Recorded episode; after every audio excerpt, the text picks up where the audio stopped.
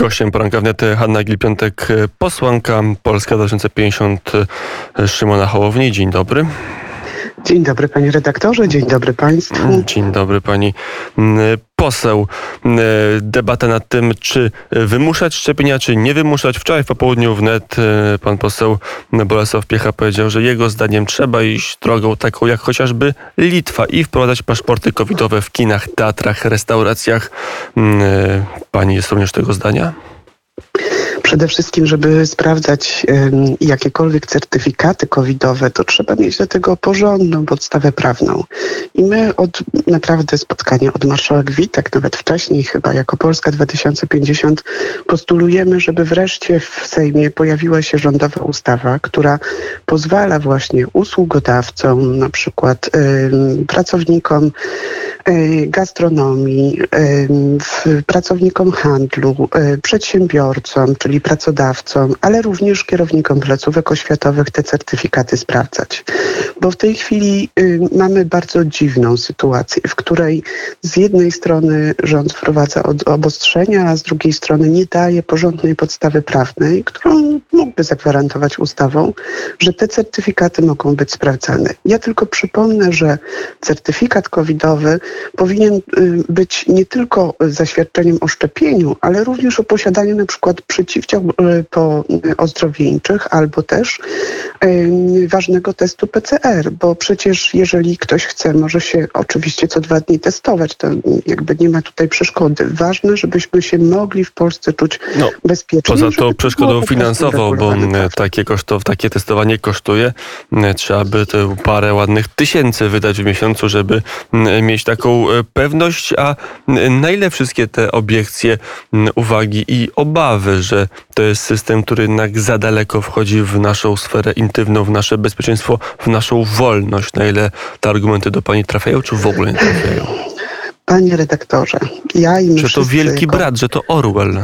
Jako oczywiście obywatele Rzeczypospolitej przede wszystkim mamy prawa, prawo do bezpieczeństwa, bezpieczeństwa zdrowotnego. Mamy prawo e, do tego, żeby, e, żebyśmy byli zdrowi i bezpieczni, żebyśmy mieli pewność, że nikt nas nie zakazi, żebyśmy wykonując swoje codzienne czynności, czy korzystając z usług, wiedzieli bardzo dobrze, czy ten certyfikat jest tam sprawdzany, czy nie i mogli wybrać. Tylko o tyle chodzi. To nie chodzi o jakiś, nie wiem, nakaz wielki, tylko po prostu w tych branżach, które, w których y, ludzie stykają się z innymi ludźmi, takie y, możliwości powinny być wprowadzone. Możliwości, y, a nie zakazy. No oczywiście, że Ministerstwo Zdrowia w momencie, kiedy mamy tak ogromną falę epidemii, kiedy coraz więcej ludzi umiera, bo to się niestety nie zmniejsza, ale zwiększa z tygodnia na tydzień, powinno wprowadzać obostrzenia.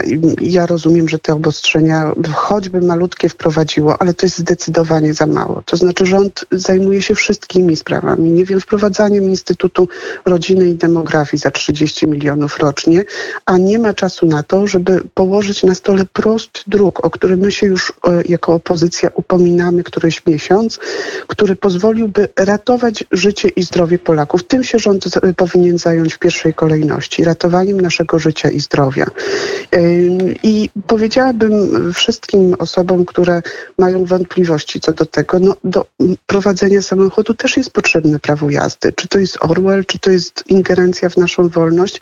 Na pewno tak, ale nasza wolność kończy się tam, gdzie zaczyna się wolność innego człowieka. Wolność do tego, żeby czuł się zdrowy i bezpieczny. Ale z drugiej strony mamy tą sferę wiadomości medycznej, no mamy też tą sferę, że chorujemy na grypę, chorobę chorobę mniej zjadliwą niż, niż SARS-CoV-2, niż, niż COVID, ale też niebezpieczną, a, a do tej pory nigdy żeśmy takich obostrzeń nie wprowadzali.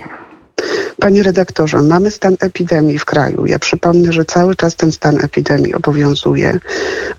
Rząd nigdy nie wprowadził y, stanu nadzwyczajnego w postaci stanu klęski żywiołowej. To by dało podstawy prawne i liczne y, uprawnienia do tego, żebyśmy mogli z epidemią od początku skutecznie walczyć. No, wtedy byśmy żyli już drugi rok w stanie, na, w stanie nadzwyczajnym i to na terenie całego kraju. To nie wiem, czy byłoby takie przyjemne. A to jest, a to jest panie redaktorze, nie byłoby żadnych stan, wyborów, nie byłoby... Jakiś stan zwyczajny w tej chwili, to znaczy kiedy umiera 600 osób dziennie, to jest jakiś zwyczajny stan.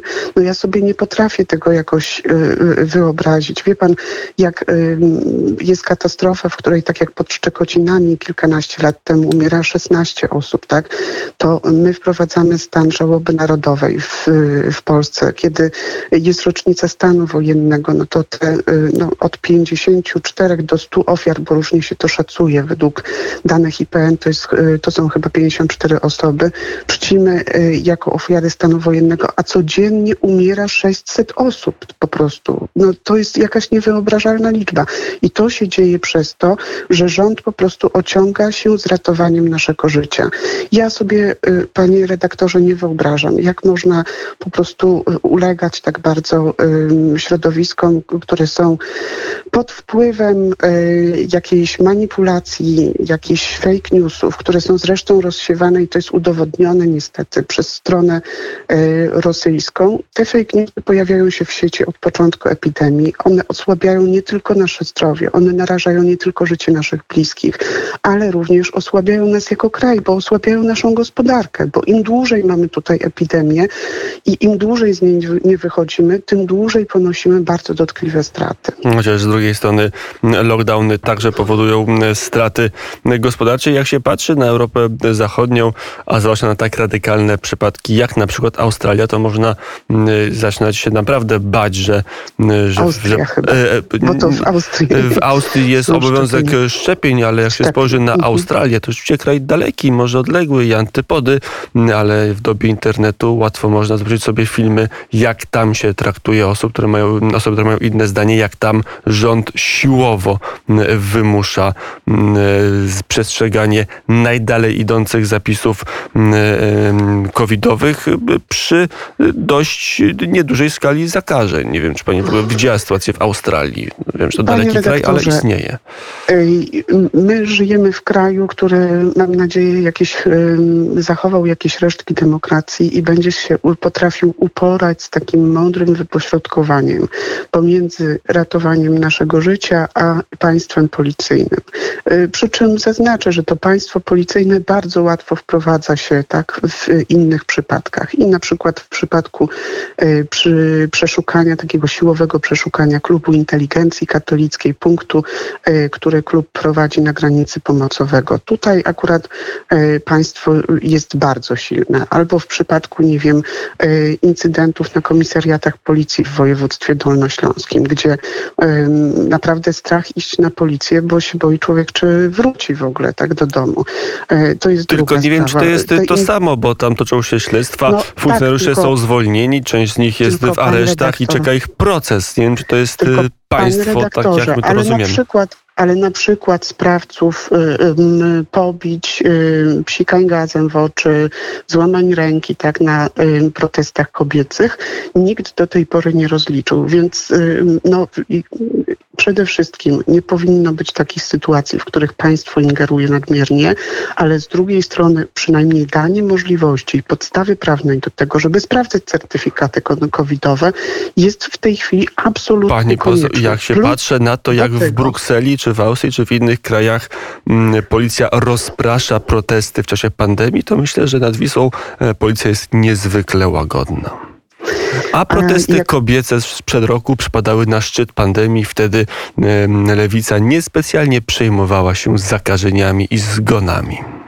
A jak patrzę, panie redaktorze, na to, że umiera w Polsce ponad nawet 600 osób dziennie, to myślę, że e, naprawdę rząd powinien wziąć się do roboty. Bo w tej chwili to zwoływanie i odwoływanie komisji, to kluczenie, te zapowiedzi wysłuchań publicznych, bicie opo, brawa opo, przez Konfederację opozycja, na Komisji Zdrowia, przecież to są jakieś rzeczy, które się w ogóle nie Opozycja także z e, Polski 2050 w wielu sprawach to postulowała, żeby proces był odpowiedni. No tutaj może rzeczywiście władza czasami ignoruje, nawet bardzo często, czy prawie zawsze ignoruje głos o wysłuchanie publiczne, teraz się zdecydowała, no to powinno też czynić, że ten proces będzie dłuższy, że będzie wykonsultowany. No może w, jak wchodziliśmy na początku, tak jak wchodziliśmy w tę falę pandemii, to wtedy takie procedury byłyby oczywiście na miejscu. Tylko panie redaktorze, no proszę spojrzeć na badania opinii publicznej.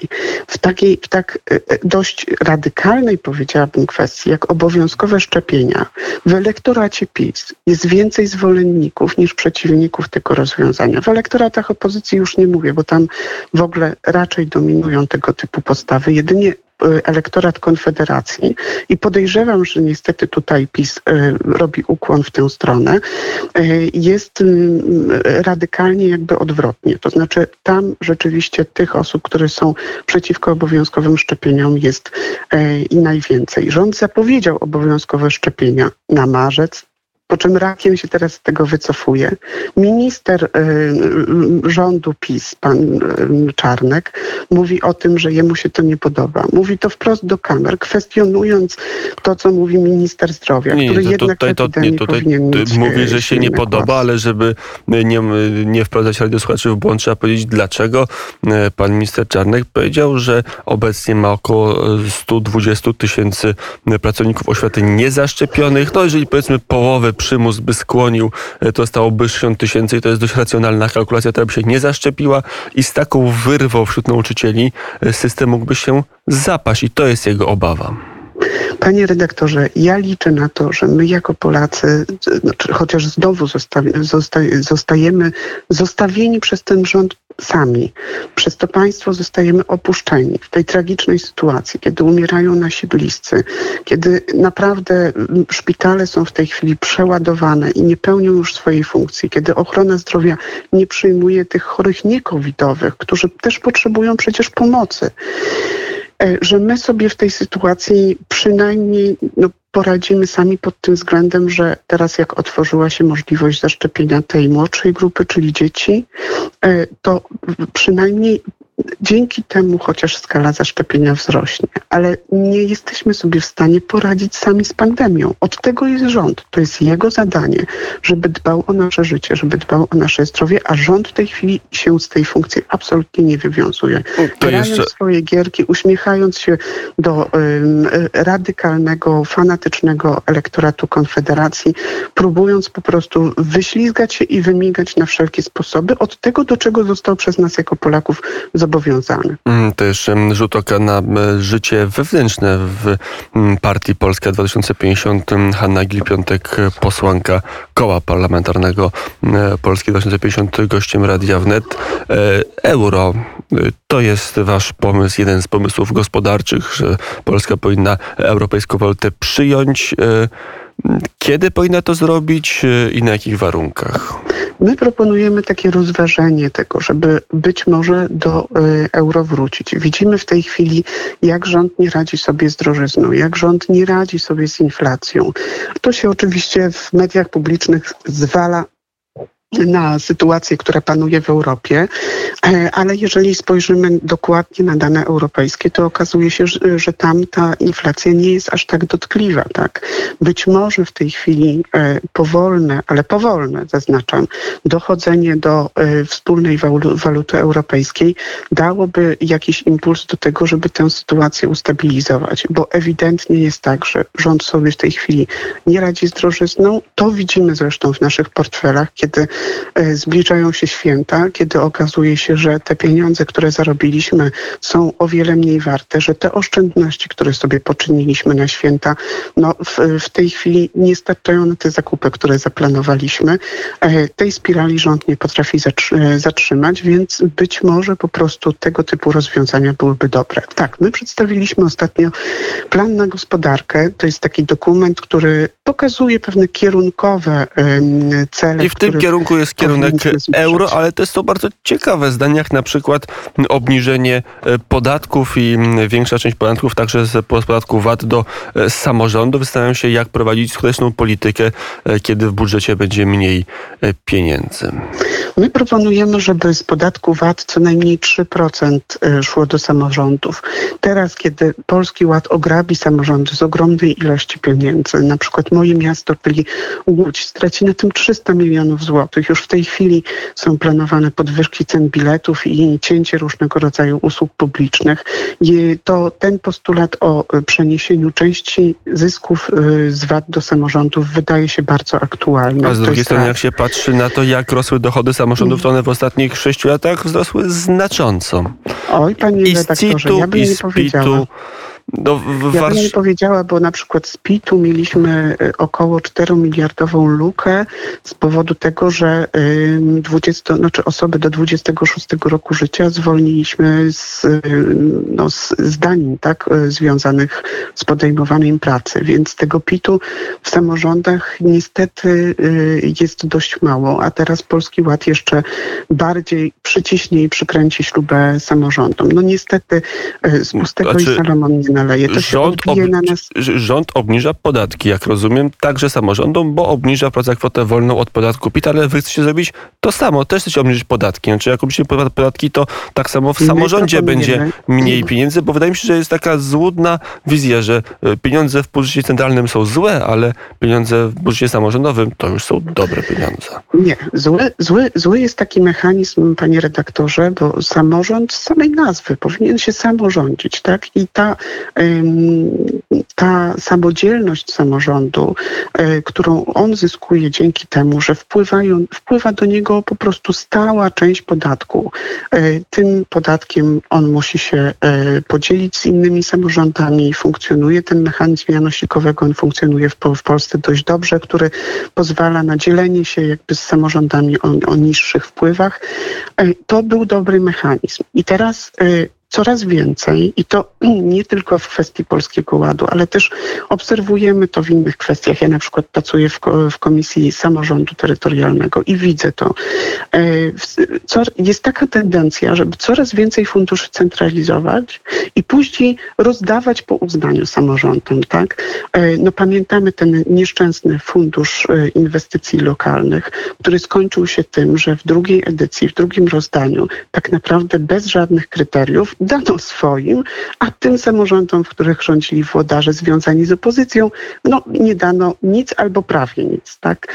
To jest jednak y, mechanizm, który skazuje samorządy na takie wieczne wiszenie, że tak powiem, u kolan władzy i proszenie się o pieniądze, które samorządy powinny mieć dane po prostu z rozdzielnika, po prostu z algorytmu. My proponujemy, żeby w tym algorytmie znalazło się 3% VAT-u, natomiast dla wszystkich Polaków w programie gospodarczym ostatnie zdanie do końca Chcemy, żeby obniżono VAT do 20% z 23, które w tej chwili funkcjonuje i e, z 8% e, do 5%. W roku 19, kiedy już funkcjonowała obniżka PIT-u z 18 do 17% i PIT, dla, i PIT zerowy dla młodych do samorządów wpłynęło o 10, o przeszło 10% więcej pieniędzy z PIT-u niż w roku 18, 55 miliardów złotych z tego tytułu, a w 18 50 miliardów, więc wydaje tak, mi się, że tak, samorządy... Panie ale to są kwoty, proszę pamiętać, że to wszystko są kwoty, które my liczymy w złotówkach. Wartość tej złotówki się obniża są inne czynniki, które wskutek, bo wtedy się znajdowaliśmy w dosyć jakby w rozpędzeniu tej górki inwestycyjnej na początku perspektywy, więc e, są inne czynniki, natomiast ubytek był, tak. No, nie ukrywajmy, no, jeżeli no, pozwalamy na to, jeżeli wprowadzamy taką zasadę, zresztą moim zdaniem bardzo dobrą, tak, że żeby w, w, wspomagać zatrudnienie młodych osób. E, my zwalniamy osoby do 26 roku życia z podatku PIT, no to tego podatku nie ma. Ten podatek mniej więcej o 4 miliony zrobił lukę w samorządach. Na szczęście, tak jak pan mówi, no ta rozpędzająca się wtedy perspektywa e, inwestycyjna pokryła tę e, lukę, ale to nie znaczy, że samorządy przez to nie zbiedniały. Mm, ale rząd też zbiedniał, rząd sobie poradził, to i samorządy może powinny lepiej rząd szukać... się zawsze wyżywi, panie redaktorze. Tak, ale jak, jak ale jak, rząd... się, ale jak się okazuje, że w Warszawie skarbnik zarabia cztery razy tyle, co minister finansów w rządzie, to wydaje mi się, że e, panie samorząd jakby żywił się trochę lepiej niż rząd. W czasach, mówiliśmy w czasach dawno minionych, że władza pije szampana ustami swoich przedstawicieli. Ja mogłabym panu wymienić kilka inwestycji, takich jak jak na przykład, nie wiem, płot dookoła willi pana premiera wyremontowany za 2 miliony, po którym tego remontu zresztą nie widać, albo samospłukujące się nowoczesne toalety w rządowej willi w Łańsku, które w tym roku zakupiliśmy z naszych pieniędzy jako podatnicy, e, ponieważ ta willa rządowa, no to nie było ważniejszej rzeczy w koronawirusie niż wyremontowanie tej willi. E, Co do Pałacu Saskiego, moglibyśmy chwilę poczekać, naprawdę. To Dwa ja bym tutaj jednak Przeszło miliardy stawiała na złotych na bardziej odbudowę. E, Dokładnie. pałacu. Ja jestem akurat, y, nie jestem może w, y, za lub przeciw odbudową tego, tego pałacu. Nie mam tutaj bardzo konkretnego zdania. Może trochę naprzeciw jestem, ale w- czas, w którym to robimy, czas, w którym wydajemy 2 miliardy złotych na odbudowę Pałacu Saskiego, nie jest moim właśnie y, zdaniem właściwy, bo w momencie, kiedy 2 miliony osób w Polsce nie ma własnej toalety w domu, w momencie, kiedy ubóstwo skrajne wzrasta i już naprawdę ponad 2 miliony osób żyje w ubóstwie skrajnym w tym kraju, no to nie jest czas na budowanie pałaców. Powiedziała Hanna Migil-Piątek, Polska 2050. Dziękuję bardzo za rozmowę. Dzisiaj y, głosowanie Dziękuję. nad budżetem. Pani poseł będzie... Tak, i to głosowanie Przeciw. niestety będzie krótkie, dlatego że już wpis złożył wniosek, żeby te 500 poprawek, żeby ich nie analizować na sali plenarnej, tylko zblokować je w taki worek za i przeciw, tak, w dwóch głosowaniach. Ja myślę, że y, no to jest smutny dzień dla demokracji, ale w zeszłym roku PiS niestety zrobił to samo. Takie blokowanie poprawek y, no, nie sprzyja ani dyskusji, ani demokracji. Przykry dzień, ale trzeba to będzie zrobić. Będziemy głosować budżet. Bardzo dużo dobrych poprawek regionalnych w ten sposób przepadnie. Bardzo dużo e, poprawek na przykład na podwyższenie kasy na e, Rzecznika Praw Obywatelskich, czy, na, czy, czy też na psychiatrię dziecięcą niestety pójdzie do kosza. Powiedziała Hanna Migil-Piątek. Dziękuję bardzo za rozmowę i do Dziękuję usłyszenia. bardzo. Do Na zegarach zrobiła się godzina 8.36. Za chwilę e, przejdziemy do, do wymiaru sprawiedliwości, do Sądu Najwyższego, a tymczasem muzyką.